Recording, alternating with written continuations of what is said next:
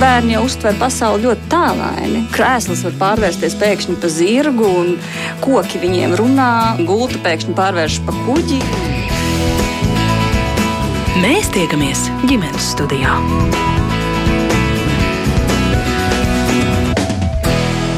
Labdien! Citēji vieno no šīs dienas ziņām Latvijā aizvadītās diennakts laikā reģistrēti 765 jauni inficēšanās gadījumi ar covid-19 un saņemt ziņojumu par 28 mirušajiem.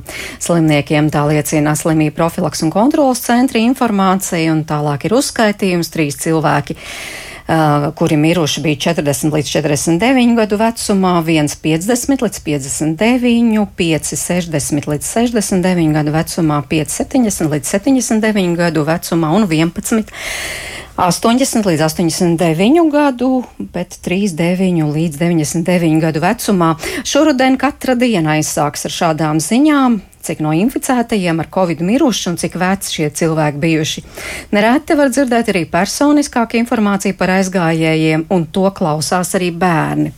Vai šis ir laiks, kas piespiež vecāks runāt ar bērniem par nāvi, kā risināt šādu sarunu, un vai bērns var apjaust nāves esamību pa īstam tikai tad, kad nomirst kāds no tuviniekiem?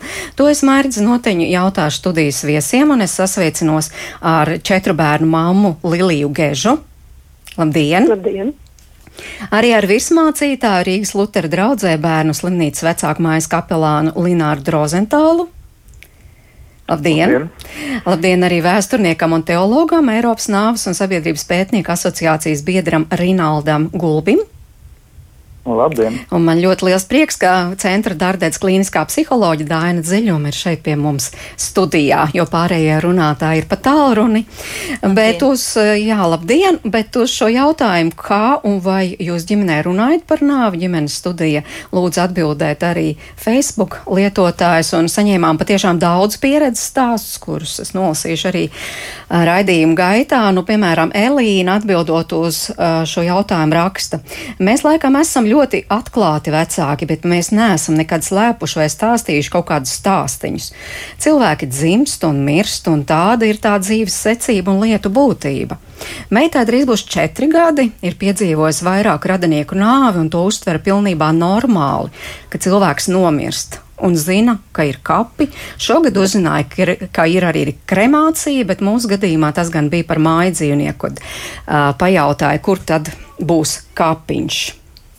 Un vairums atbildžu, kuras ģimenes studijas saņēma, ir tieši tādas neslēpjam, jo cilvēki dzimst un mirst, tāda ir dzīves kārtība un lietu secība.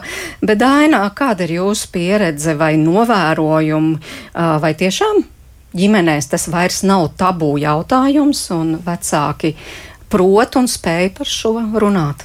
Man tiešām liels prieks par, par cilvēkiem, kuri ar saviem bērniem runā par šo jautājumu, par nāves tēmu, jo, nu, jā, tā tiešām ir tā teikt, mūsu dzīves arī sastāvdaļa. Bet, protams, ka joprojām arī ir situācijas, un ir cilvēki, kur izjūt tādu nu, tā nedrošību, bailes, ir bailes bērnu sāpināt, ko teikt, kā teikt, lai tā kā nenodarītu pāri, cik lielā mērā iesaistīta kādā atvadīšanās procesā vai ņemt uz bērēm. Tie joprojām ir nu, aktuāli jautājumi vecākiem. Līlija, griežos pie jums kā pie mammas, četru bērnu mammas. Kā jūs ar savējiem runājat vai tomēr izvairāties? Jā, mēs viennozīmīgi runājam. Pirmā saruna sākās ar uh, uh, kapiņu apmeklējumu un vecāku kapiņu apmeklēšanu, un uh, tad arī sākās jā, sarunas ar bērniem par, uh, par nāvi. Cik veci bija bērni? Es saprotu, tomēr dažādā vecumā, nu kura vecuma bērni tad sāk tās sarunas un izrādīja interesi? Nu, principā man šķiet, ka uh, var sākt ar to brīdi, kad bērns jau sastopās ar šo faktu, jā, vai nu viņš ir, uh, viņam jādodās uz bērēm, vai viņš tiešām jautā kaut ko par, uh, par kapiem, vai kādu putniņu viņš ierauga, jā, vīrušu vai dzīvnieciņu. Un uh, man šķiet, ka uh, svarīgi ir sākt sarunu tajā brīdī, kad bērns pirmo reizi par šo ierunājās, bet, protams, atbilstoši bērna vecumam un izpratnē. Nu, bet par tiem vecumiem domājot, kur, kurš jūsuprāt ir tas vecums, kad bērns jau tiešām saprot šīs lietas? Nu, principā tāds apzinīgs vecums varētu būt sākt no, no septiņiem gadiem. Nav, protams, katram bērnam individuāli, jā, bet mēs jau sākam runāt ar bērniem jau piecu un sešu gadu vecumā. Un uh, gan par Omi, jā, kur tad ir Omi un kas tad ar viņu notika un, un, un kur viņa kā mirušais cilvēks paliek. Jā, un līdz ar to es domāju, ka nu, atbilstoši bērnu vecumam var sākt no jebkāda vecuma.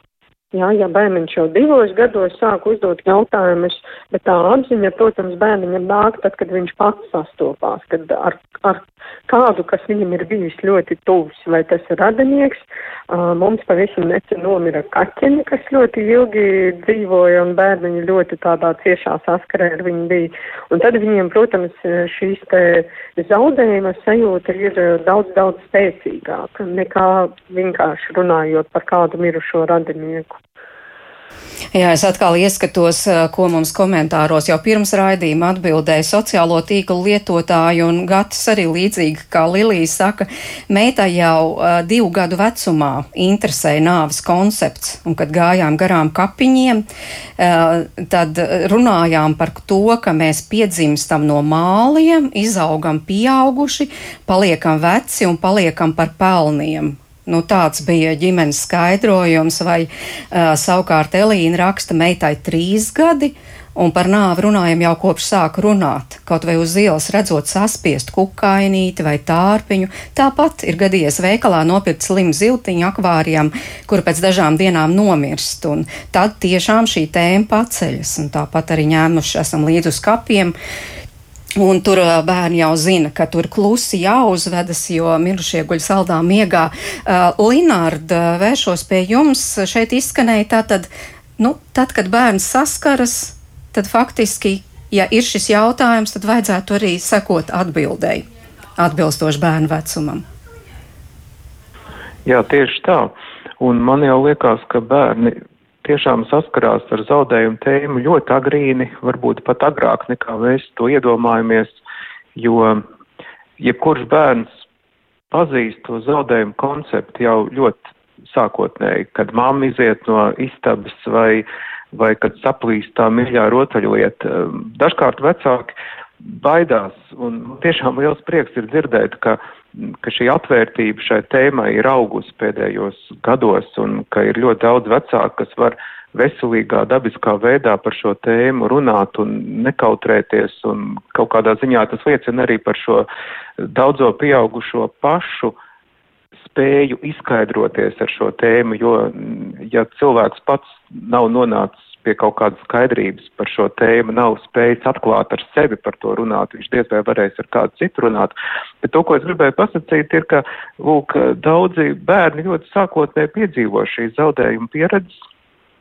Un, un kādreiz varbūt vecākiem liekas, ka viņi nespēs ar šo tēmu tikt galā, nespēs to saprast, bet, bet tas var būt ļoti agri. Un, un tikko kā bērns jautā, tikko kā nonāk piemēram, kaut kādā kontekstā, kur ir šis zaudējums, kaut vai putniņš nomiris, vai koks nomiris, vai vēl kaut kas ir tāds, kas ir piedzīvojis nāvi. Jo man šķiet, ka pats svarīgākais arī Covid laika kontekstā jau vecāku uzdevums ir vienkārši palīdzēt uh, bērnam mosties apziņai, ka nav pieder pie dzīves, ka nav pieder pie dzīves un palīdzēt šo zaudējumu pieredzi, vai kāda tā būtu, integrēt tajā ikdienas dzīvē iekšā. Un ja tas notiek, tad arī, tad arī tā dzīve kļūst vienkāršāka un vieglāk tam bērnam uz priekšu, jo, jo viņam ir kompetence un prasme ar šo tēmu kaut kā apieties un nenolikt viņu kaut kur, kaut kur uz garā galda. Nu jā, bet tad ir nākamais jautājums uzreiz, bet kādas tad, kā tad atbildēt, jo, kā mēs dzirdējām, nu, ja te iepriekš māma Elīna teica, viņa stāst, ka tur tie cilvēki kapiņos guļ saldā miegā, vai arī, piemēram, par mākoņu maliņu ļoti, ļoti bieži skan šie, šādi skaidrojumi. Lilija, kā jūs skaidrojat? Nu, mēs esam kristīga ģimene, un līdz ar to tas mūsu skaidrojums ir attiecīgi mūsu kristīgai pārliecībai. Jā, kad, kad atli, attiecīgi mēs arī stāstam bērnam, kas ir nāve, kas notiek pēc nāves, kādu jūs ar šo dzīvi mums paredzējis, ja, un šo satikšanos ar viņu.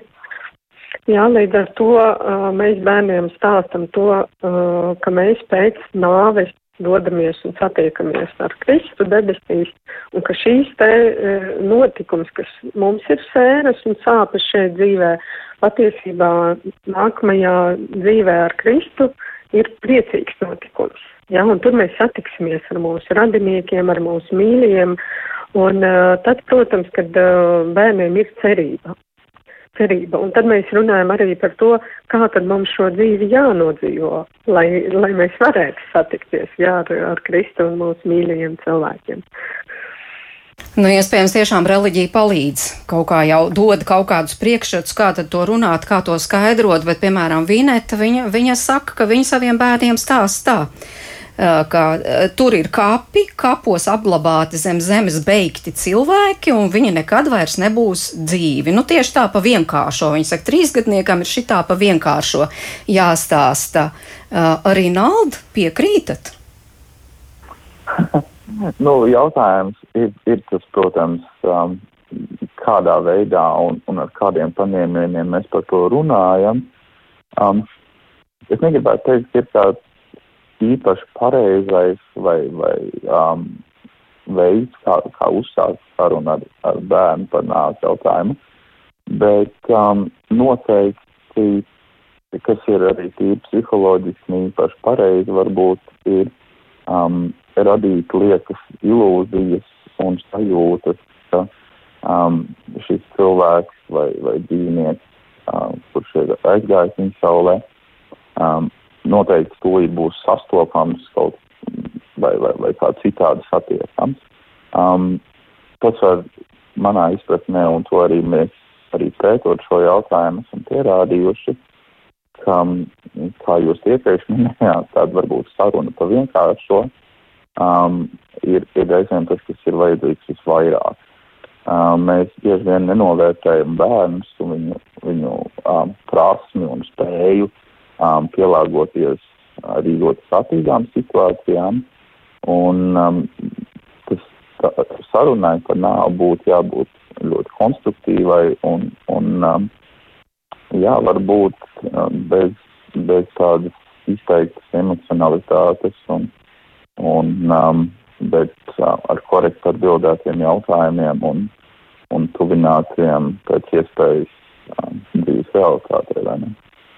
Piekrītat, Daina, jo it kā vieglāk ir pateikt, nu, mūsu mīļais tur uz, uz mākoņu maliņas. Nu, tā noteikti ir pateikt vieglāk. Uh, jā, nu, es teiktu, ka būtu labi izvairīties no tādiem ļoti, ļoti tēlainiem un uh, līdz ar to, nu, varbūt tādiem tādu skaidrību neradošiem apzīmējumiem. Nu, droši vien kaut kur jau izskan tajā visā sērošanas laikā arī kādi tēlaini apzīmējumi, bet, ja, nu, tā kā pieaugušie pilnīgi izvairās no tādas, nu, vārdu nosaukšanas, nu, no lietu nosaukšanas īstajos vārdos, tad droši vien tas var bērnam radīt kaut kādas neskaidrības. Bet eh, nu, mans viedoklis ir, ka eh, katra ģimene stāsta šo, šos jautājumus par nāvi atbild atbilstoši savai tādai izpratnei par to, jo mums jau arī pieaugušajiem šīs izpratnes ir atšķirīgas. Un, un nu, tad, kad nu, pavisam mazam bērnam, tad varbūt tiešām tad arī ir tikai šis vecāka skaidrojums vēlāk, jau es domāju, arī no vecāka puses iespējams izskan tas, ka nu, es noteikti esmu saviem bērniem teikusi par to, ka cilvēki to saprot dažādi, un, un, un es to saprotu tā un, un, un tu augsi liels, un tev būs arī kāda sava, kā, savas domas par to. Jā, es domāju, nav tāda varbūt nu, pie, viena, viena pareizā, tiešām piekrītu tam, ka veida, kā par to runāt. Nu jā, bet vai ģimenei jāvienojas par vienotu skaidrojumu? Nu, piemēram, Ailita raksta, mazdēlam astoņi gadi, mammīte nomira, kad bija trīs gadiņi, un katrs stāsta kaut ko savu. Nu, viens stāsta, ka kapos guļ ķermenis un debesīs dvēseli. Vēl otru ome zina stāstīt, ka iepriekšējā dzīvē tur bija puika. Es nezinu. Un rezultātā, kā viņi raksta, bērnam galvā juceklis un nezinu, kā ar to visu tikt galā. Mm -hmm. Jo mazāks bērns, jo vienmēr vispār par visām lietām domājot, ir labi, ka pieaugušie tādā nu, līdzīgākā veidā varbūt var atrast kādus vienkāršākus vārdus, kur viņi visi satiekās, tā teikt, savā stāstījumā. Lielāks bērns, es domāju, arī pietiekami var pieņemt tādu, nezinu, ka katram ir tas savs skatījums, bet, nu, ka tie varbūt tad, nu, vecāki var, vai tie, kas ir tie paši, paši tuvāk vecākie, tad, nu, jā, tad droši vien arī izrunā tādā tiešām bērnam saprotamā veidā šīs lietas. Līnārd, vai no jūsu puses, kas šeit piebilstams? Es tiešām arī domāju tajā, ka, tajā virzienā, ka arī kādreiz tie vienkāršie, ļoti realitātē pietuvinātie skaidrojumi ir kādreiz labākais arī veids.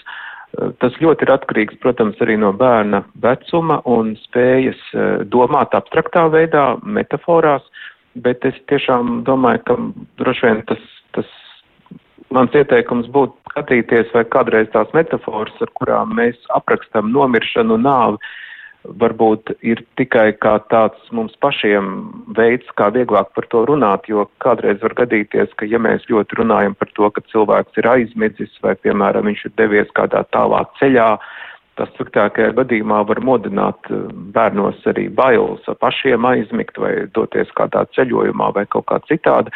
Bet es aicinātu arī skatīties, kur var atrast ne tikai tādas abstraktas filozofiskas metaforas, un tur jau mums katram tiešām, kā sacīja, ir dažādi koncepti un dažādas tās bildes galvā, bet varbūt kaut kas ir no dabas.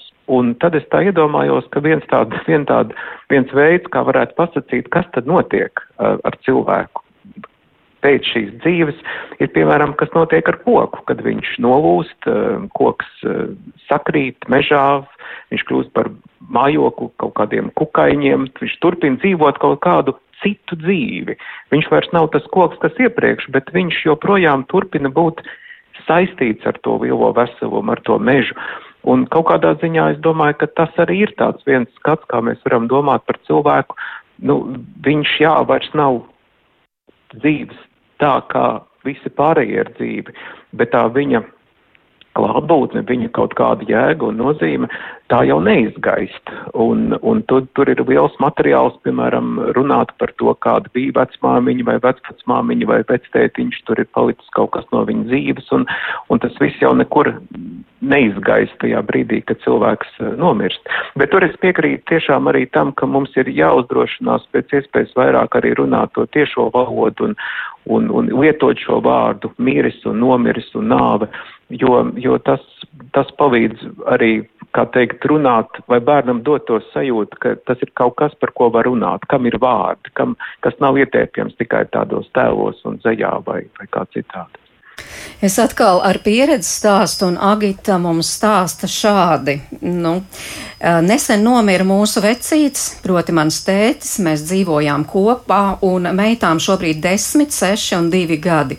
Abām lielajām tā arī pateicām, ka palika slikti un apstājās sirsniņa.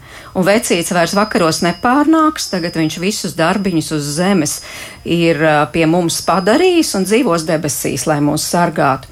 Nezinu, cik iedziļinās faktā par mirušajiem biežāk skatās, kad rāda ārstus, slimnīcu, un tas man šķiet ļoti individuāli. Vienam labāk tā, otram savādāk, bet vienīgi bērnam pēc vecmāmas nāves ir parādījušās dažādas nesaistītas bailes, piemēram, no suņiem. Nezinu, vai tas ir kaut kā saistīts vai vienkārši sakrita. Jā, un starp citu arī klausītāji mīļi aicināt iesaistīties šajā, šajā sarunā, un Anna mums raksta. Uh, sakot pa vienkāršo bērnā rodas bailes, jo bērns negrib nomirt un viss, un beigts, un bail. Kad daina, kad var rasties šādas bailes? Var rasties un var nerasties. Gan, ja mēs domājam par uh, situāciju, kad, mēs, kad bērnam nav uh, zaudējuma pieredze, kad nav nomiris kāds tuvs cilvēks, bet mēs vienkārši par to runājam, arī tad nu, viens ir var rasties tā kā, uh, tādas nu, diezgan tipiskas situācijas, ka bērns sāk uztraukties par to, ka arī vecāki kādreiz nomirs, tas, ka viņi apjēda šo faktu par to, ka viņi paši kādreiz nomirs.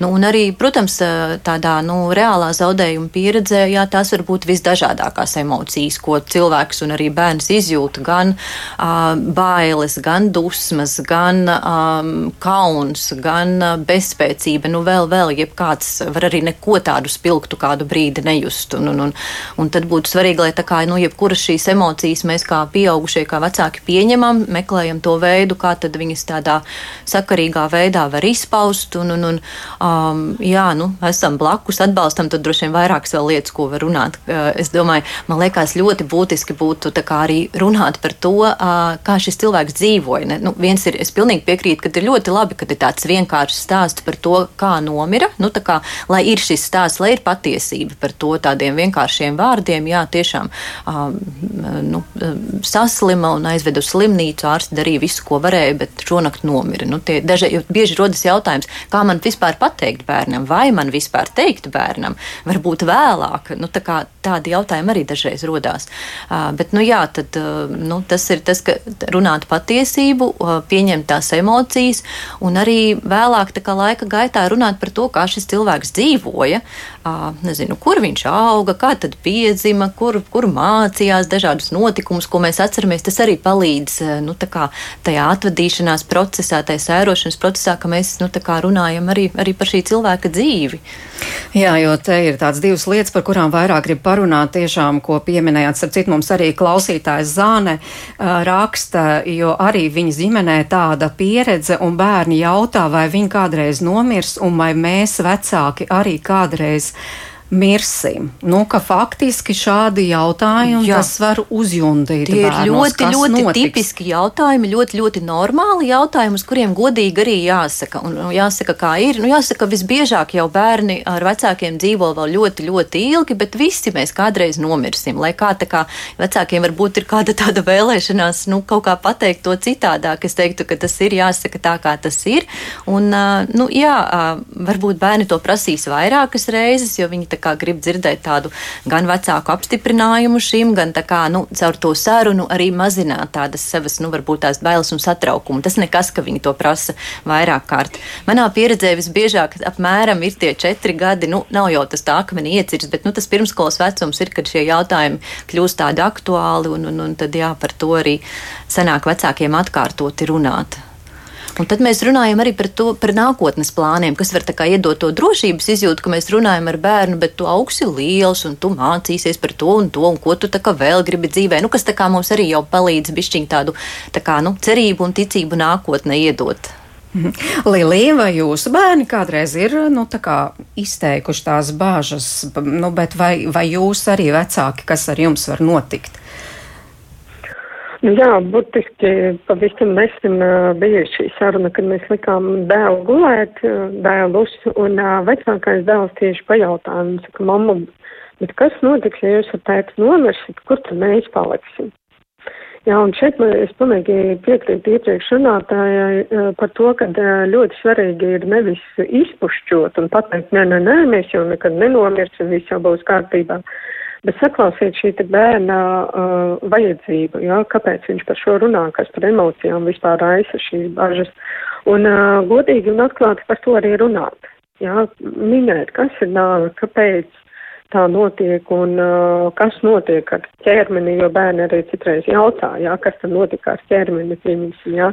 Un, protams, atbilstoši bērna vecumam un, un um, emocionālam stāvoklim, bet mēs tā arī stāstam, jā, mēs tā arī stāstam, kad uh, tas varētu gadīties un kuros gadījumos tas gadās, bet mēs pēc cenšamies par sevi rūpēties, jā, un um, mēs ceram, ka uh, nu, tas notiks tad, kad mēs būsim varbūt veci, bet uh, gadīties var visādi, jā, jo ir dažādas slimības, un tad mēs tā kā uh, izrunājām tos nāves iespējamās uh, versijas, ko bērns pats arī min, vai varbūt tā, vai varbūt šādi. Jā, bet uh, tas, ko es vēl gribēju aktualizēt un, un varbūt pateikt, kas ir ļoti būtiski, pieņemt šī bērna, pieņemsim, sas, saskarsmē ar šo nāvis jautājumu vai sērošanu, ja ir nomiris kāds radinieks vai dzīvnieciņš vai vēl kaut kas, pieņemt bērna jūtas emocijas un sērošanas procesu nemēģināt bērnam teikt, ka viss jau būs labi, viss jau būs skaisti, nu, tas jau pāries, jā, bet tieši būt kopā ar viņu šajā sērošanas procesā. Ja, pieņemsim, tad, kad mums tas kaķītis bija nomiris, jā, visiem bērniem bija ļoti liels šoks. Jo viņi arī redzēja to kaķīti, un četriem bērniem bija absolūti dažādas reakcijas uz šo nāvi. Jā. Un ir ļoti svarīgi saprast, kuram bērnam kas ir vajadzīgs šajā atbalsta sistēmā, šajā sērošanas procesā. Jā, vienam, viens bērns ļoti sāka zīmēt visu šo, es saku, nu, ka visas savas emocijas jūtas, mēs varam par to runāt, tu vari to uzzīmēt, tu vari pastāstīt gan man, gan tētim, mēs varam kopā ar tevi būt, jā, un tur samīļoties un, un, un būt šajā sēru procesā, jo ļoti bieži aizsargā, vēloties aizsargāt bērnu, mēs tā kā šīs viņa jūtas un emocijas devalvējam. Nu, ka būs jau labi, nekas traks nav noticis. Nu, viņš tur debesīs, tagad viņam viss kārtībā, viss jau labi. Vai ne? Un šī, šo momentu es gribētu aktualizēt, ka tas ir ļoti svarīgi izdzīvot šīs sēras, nevis mēģināt tā kā pasargāt un, un izveidot tādu rožainu pasauli ar, ar bērnu.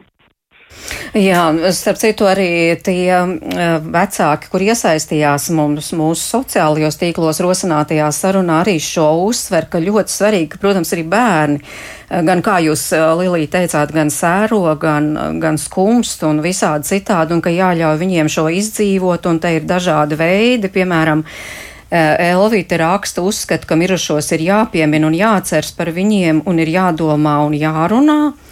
Un arī, piemēram, Elīnas pieredze bērnu mūsu sarunas par tuvinieku vai dzīvnieku zaudējumiem pēc savas iniciatīvas ir attainojuši zīmējumos, kas bija interesanti un negaidīta pieredze, un ir uh, zīmējumi, kurus pat esam ierāmējuši. Jā, un arī Monika saka tiešām, ka uh, mūsu meita savus sajūtas uzzīmē, un tā arī radies zīmējums, kur roku rokā pa zemi staigā mamma, tēts, māsa un brālīts, un debesīs uz mākoņu maliņas ir otrais mirušais brālīts, un tāda zīmējuma, manuprāt, paskaidro visu un palīdz arī bērnam. Uh, Rinald, uh, kā jūs sakāt, kā palīdzēt bērniem? Nu, kā vai, vai palīdzēt, vai ļaut viņiem izdzīvot šīs emocijas? Um, es drīzāk piekrītu šim te šai otrajai nostādnē. Un um, tas gan attiecas ne tikai uz bērniem, bet arī uz pieaugušajiem, jo mēs bieži vien um, principiāli izvairāmies um, no sēru un skumju periodu izdzīvošanas.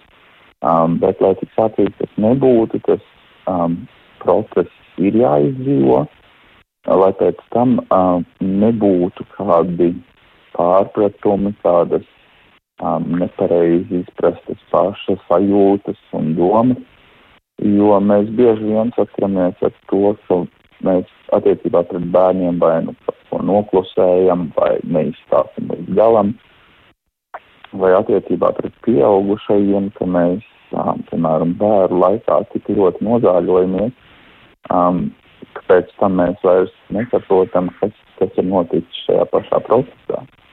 Līdz ar to tas veids, kā runāt, kā jau mēs iepriekš minējām, ir, protams, katram jāatrod savs, bet um, šis laiks, protams, ir jāizdzīvo un, un um, bērni absolūti nav tik nevarīgi, kā mums reizēm šķiet, viņi ir daudz, daudz stiprāki. Jā, Gribu dzirdēt arī Linārda viedokli, un uh, vēl viens te tāds stāsts. Santa raksta, meitai bija seši gadi, kad ar pāris mēnešu starpību mūžībā aizgāja trīs tū ģimenes locekļi. Tad arī vienu brīdi uh, topā bija spēlēt bērns. Proti, bērnu lika lēlas kastēs, un tad lielākā kastē un apbēra ar klučiem un katru reizi bija kāds jautājums, kas radās par bērēm un nāvi, un centos uz visiem atbildēt uh, viņiem saprotamā valodā un bez pasaku stāstīšanas. Linārdi, jā, kā, kā, bērniem, kā bērniem palīdzēt šo izdzīvot? Jā, es domāju, ļoti svarīgi ir iesaistīt uh, ne tikai bērnus tajā sērošanas visā ceļā, bet arī apzināties, ka viņi ir tādi paši līdzvērtīgi sērotāji, kā arī visa pārējā ģimene vai visi tie cilvēki, kuri ir to zaudējumu piedzīvojuši, un jāsaka atklāt, ka varbūt pat bērni ir tie, kas nav tik ļoti ietekmēti no tiem mūsu sabiedrībā esošajiem priekšrakstiem, kā bēdās ir jāizturās, ko drīkst, ko nedrīkst un tā. Viņos raugoties, varbūt mēs daudz labāk varam redzēt, kā bēdas izskatās pa īstam, īstenībā. Un man šķiet ļoti būtiski ir arī apzināties, ka bēdas nav tādas pārējošas jūtas vai kaut kāda tā kā slimība, kas uznāk un tad viņi pāriet, bet tas ir tāds process, kas mūs izmaina.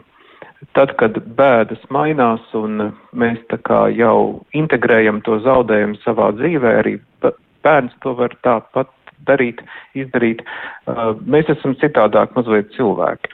Un arī jāsaprot, ka bēdās ir savijušās ļoti daudz šīs emocijas kopā, tur ir niknums un izmisums un vilšanās un viss kaut kas, bet šis process ir neizbēgami jāiet kopā, jāiet, jāiet visiem kopā.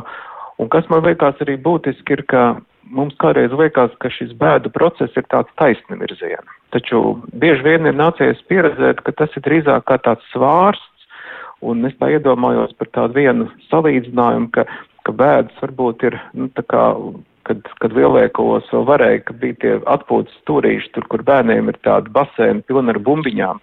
Un tad tās bēdas ir, ka tas bērns ielic tajās bumbiņās, un tad viņš ir iekšā visā tajā, viņš ir ļoti bēdīgs, viņam ir ļoti daudz jautājumu, ļoti daudz emocijas, un tad viņš atkal izlec ārā.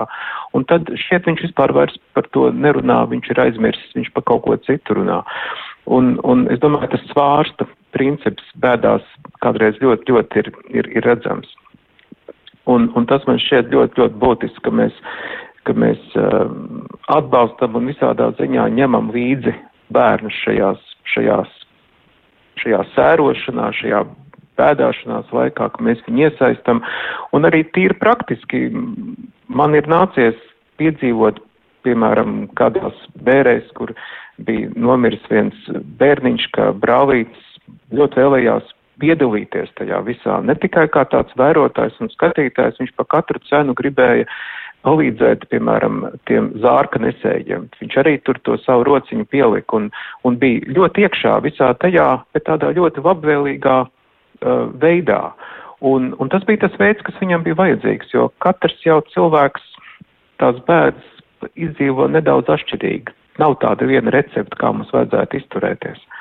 Un bērns var droši tajā iesaistīt, jo tas viņiem noteikti nāks pa labu nekā, ja mēs kaut kā viņus atturēsim vai tur caur stiklu siedu viņus to skatīsies, nepiedzīvos to atvadīšanos, nepiedzīvos to, kas īstenībā ir ļoti būtisks, jo mums vajad, ir vajadzīgi šie rituāli, šīs, šīs sērošanas laiks, lai mēs varētu turpināt dzīvot to dzīvi, kas mums ir. Atgādinu mūsu klausītājiem, tātad šodien runājam par nāvi, te gan daži klausītāji iebilst, eh, ka par to tik daudz dzirdu un vēl tagad klausīties, tas ir sāpīgi, un šeit arī ir, ka vecākā paudze nu, mazāk vēlas par šiem jautājumiem runāt, un varbūt, ka tagad jau gados jaunākie vecāki patiešām par šīm lietām runā, bet nu, ģimenes studija šodien runā par nāvi, kā par nāvi runāt ar bērniem, jo tiešām šīs nāves ziņas skan katru mīļu dienu, un daudz ģimenes ar to sastops. Un pie mums studijā šodien ir četru, četru bērnu māma Lilija Gēža. Pie mums arī virsmācītājs Rīgas Lutera draudzē, bērnu slimnīcas vecāku mājas kapelāns Linārds Rozentāls, arī vēsturnieks un teologs, Eiropas nāves un sabiedrības pētnieku asociācijas biedrs Rināls Gulbis un centra dārtec klīniskā psiholoģa Dāina Dziļuma. Uh, Lilija, kāds ir jūsu viedoklis par tām bērēm? Te sāk runāt. Uh, Lenārds Rozentāls, vai līdzīgi jūs domājat, nu, ka bērniem vajadzētu arī ļaut piedalīties šajā rituālā? Es domāju, ka uh, tas tomēr ir svarīgi. Es uh, minēšu arī no savas personīgās pieredzes. Uh, man mammīte aizgāja mūžībā, kad man bija pieci gadi, pieci ar pusi. Un uh, man bija ļoti grūti aptvert uh, šo ziņu, ka viņa tiešām ir nomirusi, jā, jo es biju tikai, nu, stādīta priekšā par šo faktu, ka viņas vairs nav tā kā, jā, ka mama nomira. Bet bēres man bija ļoti uh, nozīmīgas, lai šo faktu pieņemtu. Es neatceros, kurš no uh, runātājiem bija to minējis, kad uh, bērniem jau veidojās sava tā kā sapņaina izpratne uh, par to, kas ir nāve, kas tad notiek, jā, un līdz ar to es sev galvā biju, protams, kaut kādus pasakainus veidus sev izveidojis, jā, jo par mani nerunāju par nāvi, tikai es biju stādīt uh, fakta priekšā. Nu, lūk, un šīs te bēres man uh, palīdzēja šo faktu pieņemt. ka tiešām mamma ir nomirusi un uh, viņa vairs nebūs, jā, manā dzīvē. Uh, un es domāju, ka šie te vēres paši procesi, viņiem ir sava nozīme, sava nozīme, kas palīdz mums šajā sēru procesā. Un līdzīgi tāpat kā, ja cilvēks ir pazudis, mēs visu laiku tā kā ceram uz to, ka viņš kaut kad atradīsies, kad viss viņam kārtībā.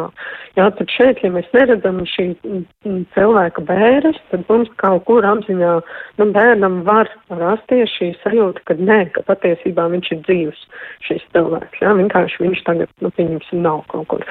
Tāpēc mans personīgais uzskats ir, kad Jā, noteikti jāpiedalās, bet uh, bērni noteikti arī jāsagatavo visiem šiem uh, procesiem, kas būs. Jā, nu, tīri praktiski, kā tas viss notiek, kas ar ķermeni notiek. Jā, jo bieži vien arī, pieņemsim, man bija liels pārsteigums, ka ķermenis ir augsts, ka mamma ir augsta. Ja, un tas man bija tā kā tāds šoks arī. Un tātad uh, ir ļoti būtiski radīt šo te drošo vidi, ar bērnu izrunāt par šīm te bērnām, kāpēc viņas ir vajadzīgas, kas tad notiks.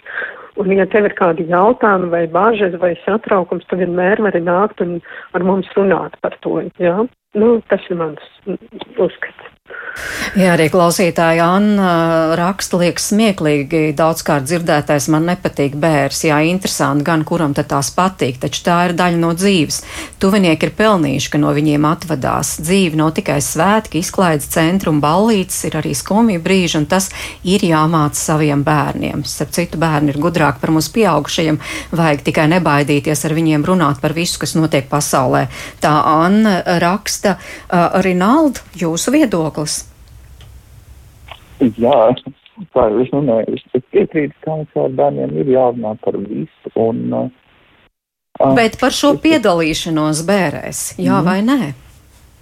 Jā, es uzskatu, ka viņiem, uh, bērniem ir jābūt līdzdalīgiem un um, uh, šajā procesā, lai viņi saprastu, um, kas īsti ir noticis un um, kādas ir šī notikuma sekas varbūt, un, un, un arī tas, tas rezultāts, ka lūk viens tuvinieks, um, kurš ir aizgājis viņa saulē, tad tiek guldīts vai no zemes klētī, vai, vai no viņa notiek atsūtīšanās krematorijā, bet um, ja iztūks arī šis posms, nu, tad ir grūti pēc tam arī stāstīt par to, kas tad ir noticis ar šo mirušo, un tad atkal mēs iesādzam šo te, um, es gribētu teikt, par tādu leģendām attītu domāšanas veidu un formu,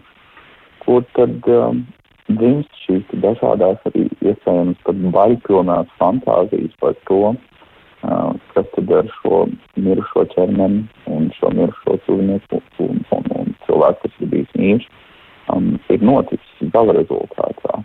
Um, līdz ar to uh, mēs nevaram izstumt un mēs pat nedrīkstētu izstumt bērnus no šīs te, uh, procesa, uh, un viņiem ir jābūt uh, līdzgaitniekiem uh, bērēs, skumjās un, un, un visu ar to visu saistīties notikumos, protams. Bet nu, dažādas tās pieredzes, piemēram, Alīs raksta, uh, par piedalīšanos bērēs. Uzskatu, ka maziem bērniem nav jāredz, jo tagad atceros, kā vecāki mani eh, māsu un brālis tiep uz viņu vecvecāku bērēm. Atmiņas vēl aizvien ir un ne tās labākās. Vai arī, nu, Darinas pieredze ir tāda, viņas bērnības pieredze man aizved uz manas mīļās otrās vecmāmiņas bērēm sešu gadu vecumā, neko īsti nestāstot. Uzskatu, ka man bija trauma un ilgi domāju par nāvi un baidījos no nāves. Un tikai 15 gadu gadu vecumā tas pārgāja. Daina.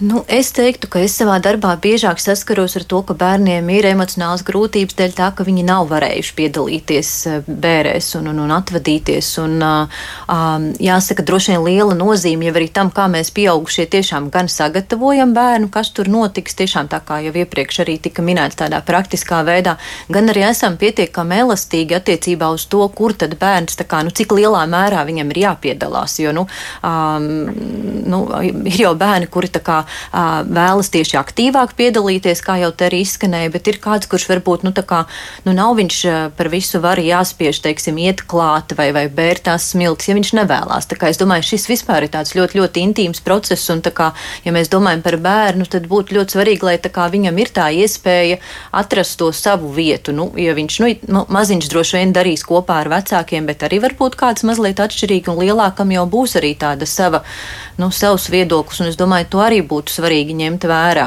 Taču man vēl gribās šajā pandēmijas kontekstā pieminēt, ka tā tiešām izskanēja arī doma par to pieņemšanu šī fakta, tad es teiktu, ka šobrīd, ņemot vērā, ka bieži vien nav arī iespēja apmeklēt slimnīcā tuviniekus, un nevienmēr arī, ja mēs nerunājam par pašiem, pašiem tuvākajiem, iespēja arī apmeklēt bērres, tad, nu, es teiktu, ka nu, ir svarīgi padomāt arī par kādiem iespējams citiem atvadīšanās rituāliem, jo tie ir ļoti svarīgi un, un, un iedod arī tādu, nu, tiešām vairāk šo pieņemšanas eh, izjūtu eh, notikušā, to, ka šis cilvēks ir nomiris. Jo tāpat jau ir tā izjūta kaut kādu brīdi, viņa gluži dabiska tāda izjūta, ka varbūt tas nemaz nav noticis. Nu, tāda kā noliekšana, tā ir mūsu tāda aizsarga reakcija. Tad ļoti svarīgi, vai nu tās būtu bērns vai kāds cits atvadīšanās rituāls, bet svarīgi, lai tas notiek.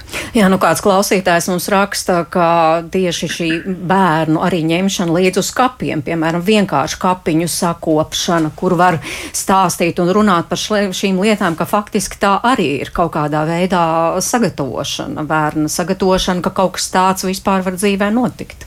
Jā, nu bērniem uzdod milzumu daudz jautājumu. Jā, arī tiešām tā viena no situācijām, kur viņi uzdod jautājumus par nāvi, ir tad, kad viņi iet vecākiem līdzi uz kapiem. Lielija, jā, par jā, tiem. Man... Jo šis ir tāds prātā. laiks, jā, svecīšu laiks, un tas, kad tiešām ģimenes iegriežas kapos. Jā. Mm -hmm. Jā, šeit man arī nāk prātā doma par to, ka pirmkārt ir šīs drošās vides radīšana, jā, un lai bērns tiešām zina, ka viņš var arī, jo gan jau, ka bēru laikā pēc bērēm bērnam jau notiek visi šie psiholoģiskie procesi iekšā, un dot viņam iespēju uh, uzdot šos jautājumus, jo viņi jau rodās aizvien vairāk un vairāk paiet laiks, viņi atkal kaut ko jautā, Jā, un pārjautā, kā tad ir ar to ķermeni, kur tas skatīts tagad ir, kas notika ar viņu tur, vai viņi var lakt ārā vai nē. Tātad, nu, šie iekšējie procesi, viņi turpinās. Bet jautājums atkal ir par mums pieaugušiem, cik mēs paši veselīgi uztveram šo nāves procesu. Un šeit man jāpiekrīt Dainai par to, ka, piemēram, mana pieredze ir bijusi, kad veselīga uztvere nāves man ir bijusi tikai pēc terapijas. Jo es arī esmu bijis tas bērns, kas bija traumēts ar bērēm, jā, kuram nekas nebija skaidrots un stāstīts. Un šī te uztvere līdz 20 gadiem bija ļoti traumatiska un sāpīga, un pēc terapijas, piemēram, jā, kad visi šie procesi veselīgā veidā bija izieti, tad attiecīgi es varu arī šobrīd ar saviem bērniem veselīgi par to runāt. Līdz ar to man liekas, mums vecākiem arī ir jārūpējās par ša, savu šo te emocionālo veselību un kas ir saistīta ar šo jautājumu, kā mēs paši varam uztvert nāvi. Jā, jo bērniņš jau redzēs, ja mēs neadekvātā veidā reaģējam uz nāves jautājumiem, viņš jau nenāks pie mums un nerunās par to. Viņš vienkārši, viņam tas viss vārīsies tur iekšā. Tāpēc ļoti, ļoti svarīgi mums vecākiem pašiem tik galā ar šo jautājumu, eh, kā mēs uztveram nāvi. Ja? Un, ja es jūtu, ka man tā ir trauma, vai es nespēju veselīgā veidā šo jautājumu uztvert, nu tad šeit ir uh, jau jautājums par to, lai es saņemtu šo palīdzību, ja, un varētu veselīgi tālāk veidot uh, izpratni par nāvi pašam un attiecīgi arī saviem bērniem. Alīsa raksta, kā runāt ar lielākiem bērniem par nāvi. Ar mazajiem viss ir skaidrs, bet lielie šķiet ieraujas sevī vai arī tēlo, ka vispār nepārdzīvo. Rinalda. Nu, ar lieliem bērniem tur jau droši vien uh, mūsu kolēģi psiholoģi varēs labāk atbildēt, bet um, es gribētu teikt, ka, um, ja mēs ar mazākajiem bērniem varam um, runāt varbūt pat brīvāk un, un um, atklātāk, tad ar pusauģu vecumu cīņiem um, jau, kā mēs zinām, uh, nekas nav īsti vienkārši. Bet um, arī šeit um, ir jārada um, šī telpa, uh, kur um, pusaudzis um, ir uzklausīts un um, um, mēs, mēs saprotam viņa pārdzīvojumus un mēģinam viņu iesaistīt uh, un būt notikumu vidū. Un, uh, protams, ka šīs dažādās aizsarga reakcijas, kas, kas ir, um, ļoti raksturīgas tīņa vecumā, um, viņas parādīsies tādā sāpīgā mirklī. Bet, um, ja mēs rādām šo telpu, to vidi apkārt un um, ļaujam izpaust šīs emocijas, lai kādas tās būtu, um, mēs garantējam to, ka mēs mēģinam vismaz izvairīt no tā, ka pusaudzis varētu tikt nesaprasts un, un um, vēlāk varbūt pat gūs tādu traumatisku pieredzi no visa uh, šī atradīšanās procesa. Līdz ar to ir jautājums par to, cik, um, cik atklāti, cik brīvi un cik iesaistoši un iekļaujoši mēs runājam ar mūsu pusaudžiem. Un um, redzot jauniešus um, ikdienā, es varu vien pateikt to, ka um, mums ir uh, jāskatās un um, tas veids, kas viņiem ir vienkāršs un, um, un um, saprotams, un reizēm tas ir uh, pat varbūt rakstīts vārds, vieglāk saprotams, nekā, nekā tāda varbūt saruna teikt ar teikt. Um, līdz ar to šeit mums ir jāskatās uz katru pusaudzi individuāli un, un jāsaprot, um, kas būs tas veids, kā mēs, kā mēs pieiesim klāt un, un uzrunāsim. Daina. Jā, nu strādājot par... ar pusaudžiem. Jā, jā nu es teiktu, pusaudži ļoti novērtē man šķiet tādu nu, tā atklātību un to, ka mēs kā pieaugušie varam dalīties ar to, nu, varbūt modelēt sākotnēji no savas puses teikt to, kā mēs jūtamies, kā tā kā nu, un pieņemt jebkādas eh, nu, emocijas un reakcijas, neiedodot eh, tādu nu, kaut kādu pareizo, ka tev jājūtās kaut kā tā un uh, ne citādāk. Es domāju, viņi ļoti, ļoti atsaucīgāki daudz vairāk ir uz to, ka mēs esam ļoti patiesi, ka mēs esam tā kā drosmīgi runāt, ka mēs arī sakam, ka mēs kaut ko nezinām, mums nav jābūt arī ne viņiem, ne mums nav jābūt perfektiem. Nu, tās ir tās lietas, kuras man šķiet kā, varētu mudināt droši vien um, kā, nu, vairāk vairāk atsaukties, vai vismaz nu, katrā ziņā iedot to sajūtu, ka, ja nu kas, tad šeit es esmu un es varu, tu vari nākt pie manis. Bet es domāju, arī nevienmēr vajag gaidīt tikai to, kamēr nāk pie manis. Es domāju, vecākiem vienmēr, nu, es domāju, no savas puses vismaz ir jārunā par to, kā paši jūtās. Nu, un, ja domā ne tikai par tādu jau aktuālu zaudējumu pieredzi, tad es teiktu arī tāpat ar pusauģiem ir vērts runāt par šiem jautājumiem jau pavisam citā kontekstā, nu, atšķirībā no mazajiem bērniem. Es domāju, arī ļoti normāli, ka ģimenē ir sarunas gan par to, nezinu, nu, es zinu, ka ir ģimenes, kurās tiek runāts par to, kādā veidā kurš gribētu, lai viņš ir apglabāts. Vai, teiksim, kā vispār varētu justies tādā nu, situācijā, kad vecāki nomirst, nu, kā šķiet, kā jutīsies. Tā kā paši, nu, tā kā izskan šīs tēmas, un, un kad, nu, nezinu, vai nav kaut kā pareizi vai nepareizi justies, ka, uh, nu, jā, par, par dažne dažādām, ir ļoti individuāli, protams, jau tās sarunas tur varētu raisīties. Nu jā, tikai jautājums atgriežamies pie tā, nevienmēr tas ir vienkārši un īpaši tiešām ir tāds no, ļoti, vienkārši. ļoti sāpīgas lietas ģimenēs. Nu, piemēram, Megija raksta. Meita tā īsti nav interesējusies, bet pirms apmēram pusgada viņa man jautāja, vai tiešām esmu vienīgais bērns ģimenē. Atbildēja, jā, jo neviena cita taču nav. Mūsu ģimenē neviens cits nav dzīvojis. Viņa saka, Mam, bet man ir sajūta, ka es neesmu vienīgā. Un uh, Megija raksta, tā patiesi ir, mazliet seriāli, bet pirms meitas bija mazulīts, kas tagad skatās no mākoņu maliņas, bet pagaidām nevēlos atklāt. Manuprāt, nav piemērots vecums vēl. Linārd, kā jūs šo komentētu? Jā, es klausījos, un kā pat asars saskrēja acīs, jo tiešām tas tā ļoti bieži arī notiek, ka, ka mēs um, kaut ko zinām, kaut arī mēs to nezinām. Un eh, šis piemērs ļoti labi to parāda, ka, ka arī šī tēma ir tāda, par ko jārunā ļoti godīgi un atklāti, jo tajā, kā mēs eh, saņemam starp paudzēm, kā, kā, kā tās kā tā dzīves izjūta ir starp paudzēm un, un, un šķiet, ka jā, tur kaut kas notika pirms manas piedzimšanas, ja man to nepateiks, es to nezināšu, bet, bet es esmu daļa no tās no tās ģimenes sistēmas. Un tā, tā tiešām ir sistēma, tā ir savstarpēji saistīta sistēma. Un, un līdz ar to, jā, tāda tiešām sajūta, bieži vien esmu dzirdējis, ka cilvēkiem ir tāda sajūta. Un, un tad ir tā, ka, protams, mums ir jāapzinās, ka, lūk, ja mēs kaut ko nesakam un noliedzam, tas mums paņem diezgan lielu spēku.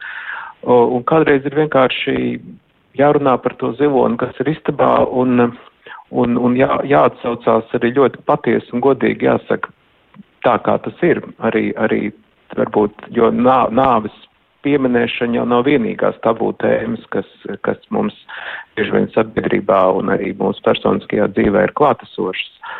Uh, man arī liekas, vēl pagriežoties mazliet pie tā jautājuma par pusauģiem un jauniešiem, es ļoti piekrītu tai domāju, ka tai sarunai un visam, ne tikai vārdiskai sarunai, bet varbūt arī visam, kā mēs, ko mēs ar to darām, jābūt kaut kam ļoti patiesam. Un tādai dalīšanās ar pieredzi un arī, un arī ka es esmu ievainojams, man arī, es neesmu tā kā tāds eksperts tagad par to, un tas man šķiet ļoti būtiski. Un kādreiz varbūt arī sarunas vietā varbūt kaut kāda rīcība. Es iedomājos arī šobrīd, mēs katru vakaru tiešām saņemam šīs ziņas par šiem skaitļiem, un tad kas ir tā rīcība, kas varbūt palīdz mums aiz tiem skaitļiem saskatīt cilvēku? Varbūt tas ir kaut kāds rituāls, ko mēs varam sveci iedegt šo cilvēku piemiņai, bet varbūt arī bet varbūt arī domāt, kā mēs varam palīdzēt, kā mēs varam tam pusaudzim, tam jaunietim viņu kaut kur iesaistīt, piemēram, palīdzēt kādam kaut ko nopirkt, kurš nevar iziet no mājas vai kaut kā tā, jo kādreiz arī ar visu to tādu emociju lielo gamu vieglāk ir tikt galā ar rīcību, un tas, man liekas, arī tādiem jauniešiem un pusauģiem varētu būt palīdzoši. Jā, nu daudz jautājumu, daudz jautājumu un nav viennozīmīgas atbildes. Un, uh, varbūt jūsu, teiksim, tāds ieteikums vai vēl no klātesošajiem, kur, kur var meklēt informāciju, jo kāda no klausītājām mums, starp citu, atgādināja, ka esot lieliska grāmata, ko uzrakstījis Helena Lāšana Elizabete, Es esmu nāve, tā ir tieši domāta bērniem, kā viņi var, piemēram, lasot šo grāmatiņu, var, var par šiem jautājumiem runāt. Varbūt vēl kādi rosinājumi no jūsu puses, kur meklēt informāciju informāciju? Vai kur varētu notot savu stiprinājumu? Daina. Nu, es droši vien, kas man pirmais nāk prātā, ir uh, jau tādas nu, nevairs nu, viņi varbūt jau pazīstamas vecākiem, bet varbūt jau aizmirstas Lindas Fonkeizerlingas grāmatas stāsti bērna dvēselē, kur ir dažādi stāsti gan par dažādām tādām situācijām dzīvē, kuras nākas pārvarēt. Nu, un tāda strukturēta praktiska informācija, kā runāt ar bērnu par nāvi arī centras darbdedze mājaslapā. Tā kā meklēsim informāciju, man tiešām aizķēra šis Linārda Rozentāla teiktais, ka varbūt ne tikai runāt, bet arī kaut kā meklēt šo, kā palīdzēt, kā iesaistīties un tādu izdzīvot šo grūto laiku. Paldies, es saku studijas viesiem par sarunu Lilijai Gežai, Linārdam Rozentālam, Rinaldam Gulbim un Dainai Dziļumam. Dziļumai paldies, ka atradāt laiku un atnācāt šeit uz ģimenes studiju. Ģimenes studijas eh, producenti Ilza Zvaigznī, vai zvejniec pie skaņu pulca es mērķis notiņu pie mikrofona. Rīt runāsim ģimenes studijā par ēšanas traucējumiem, cik tie izplatīti un kā palīdzēt, ja ģimenē tiešām kādam bērnam ir šādas problēmas. Par to rīt 5 minūtes pār diviem. Un visu labu!